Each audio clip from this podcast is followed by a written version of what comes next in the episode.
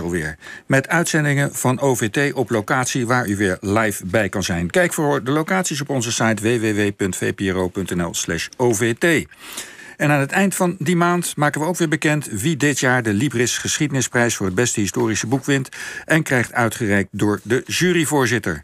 En dat is dit jaar oud-Kamervoorzitter Khadija Ariep. En wij hebben haar nu aan de telefoon omdat ze de vijf kandidaten voor de prijs bekend gaat maken. Gaat maken de zogenoemde shortlist. Uh, goedemorgen, Khadija. Goedemorgen. Ja. Uh, weet u waarom u als juryvoorzitter uh, gevraagd bent? Staat u bekend als geschiedenisliefhebber? Uh, de redenen weet ik niet, maar ik heb meteen ja gezegd. Uh, vaak word ik gevraagd voor allerlei uh, nou ja, klussen, zeg maar. en hier dacht ik, nou, dit is de gelegenheid om op een andere manier naar de geschiedenis te kijken... en minder met de huidige politieke situatie waarin ik zit. Ja, nou, hou ons niet langer in spanning. Vertel, welke boeken zijn het geworden? het zijn vijf boeken uh, er is geen hiërarchie in de vijf uh, genomineerden. Behalve dat er natuurlijk één winnaar uh, tussen zit. Maar die ga ik eind oktober bekendmaken. Ik noem de auteurs op alfabetische volgorde. Dat vind ik eigenlijk wel veilig. Dan begin ik met Philip Dreugen. Moeder, moederstad Jakarta. Een familiegeschiedenis. Wil ze ook iets horen in het kort waar het over gaat? Ja, heel in het kort. Ja. Heel in het kort. Nou, het is een leesbaar en toegankelijk boek. Uh, en uh, de auteur neemt ons mee in zijn zoektocht naar de geschiedenis van zijn voorouders in Jakarta. En daarmee krijg je ook inzicht hoe zo'n ja, oud Batavia uh, bestond uit één pakhuis van het VOC uitgedijd is tot een miljoenenstad. Dus het is zeer, uh, ja, zeer de moeite waard. En dan heb ik eh, op nummer twee Jelle Gamers. Het boek gaat over Willem Drees, een biografie, daadkracht en idealisme. Uh, er is veel geschreven over uh, Willem Drees. je kunt daarmee een boekenkast vullen. Maar deze biografie is een samenvatting van het leven en een periode waarin Willem Drees heeft geleefd. En het is echt heel goed geschreven. En ik denk dat het uh, belangrijk is om dat boek uh, ook uh, aan te raden voor alle politici. Want het is nog steeds actueel. Willem Drees staat er bekend om als een dualist die een hekel heeft aan achterkamertjespolitiek.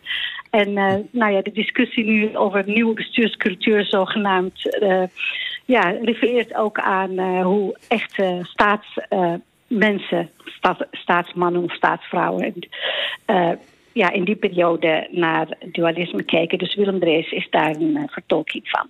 Het derde boek is van Margriet van der Heijden. Denken is verrukkelijk. Het leven uh, van Tatjana Afnacheva en Paul Ehrenfest. Ik hoop dat ik het goed uitspreek. Ja, dat is, ja? ja, dat is een familiebiografie, hè? Ja, dit boek heeft me ongelooflijk geraakt. Het gaat om, uh, het is een portret van twee bijzondere mensen die uh, elkaar uh, hebben gevonden, met elkaar ook getrouwd zijn. en dat is ontstaan uit liefde voor de natuurwetenschappen. En uh, via hun portret krijg je ook inzicht in de opkomst van antisemitisme in die tijd. Want hij is Joods. Uh, de Joden werden toen een beetje uitgesloten van allerlei functies. Uh, maar ze hebben allebei ongelooflijk ja, veel betekend voor de natuurwetenschappen. En hij is uit, zijn uiteindelijk in Leiden terechtgekomen. Maar ik vond het echt heel. Ja, het raakte me enorm omdat het ook veel zegt over conservatief Nederland, waarin zij terecht zijn gekomen. Uh, en uh, hoe zij moeite had om zich ja, een beetje aan te passen aan de Nederlandse samenleving in die tijd. Kortom, het leest als een roman. En dan hebben we Sandra Langerijs. dat is de vierde, het vierde boek. En het boek gaat over Erasmus, dwarsdenker, ook een biografie natuurlijk. Nou, Sandra die, uh, is als een detective uh, te werk gegaan. Uh, we kennen natuurlijk Erasmus als een belangrijk denker en zijn invloed natuurlijk op de literatuur en wetenschap. Maar via haar biografie leren we ook een ander Erasmus kennen. met zijn goede en slechte eigenschappen. En het geeft ook een uh, periode waarin hij heeft geleefd, waar heel veel geweld, maar ook heel veel humor. Dus uh, kortom, het is echt een prachtig boek. En uh, ja, zij heeft gewoon precisiewerk geleverd door alles in briefwisselingen op een rijtje te zetten. En dat, dat is nou, knap gedaan.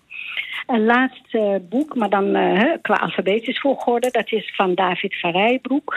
Revolutie over Indonesië en het ontstaan van de moderne wereld. Nou, we kennen hem als iemand die vooral ook via uh, interviews, via gesprekken de geschiedenis ordentelijk voor ons op een rijtje zet, maar dan ook vanuit, vanuit het perspectief van de ander.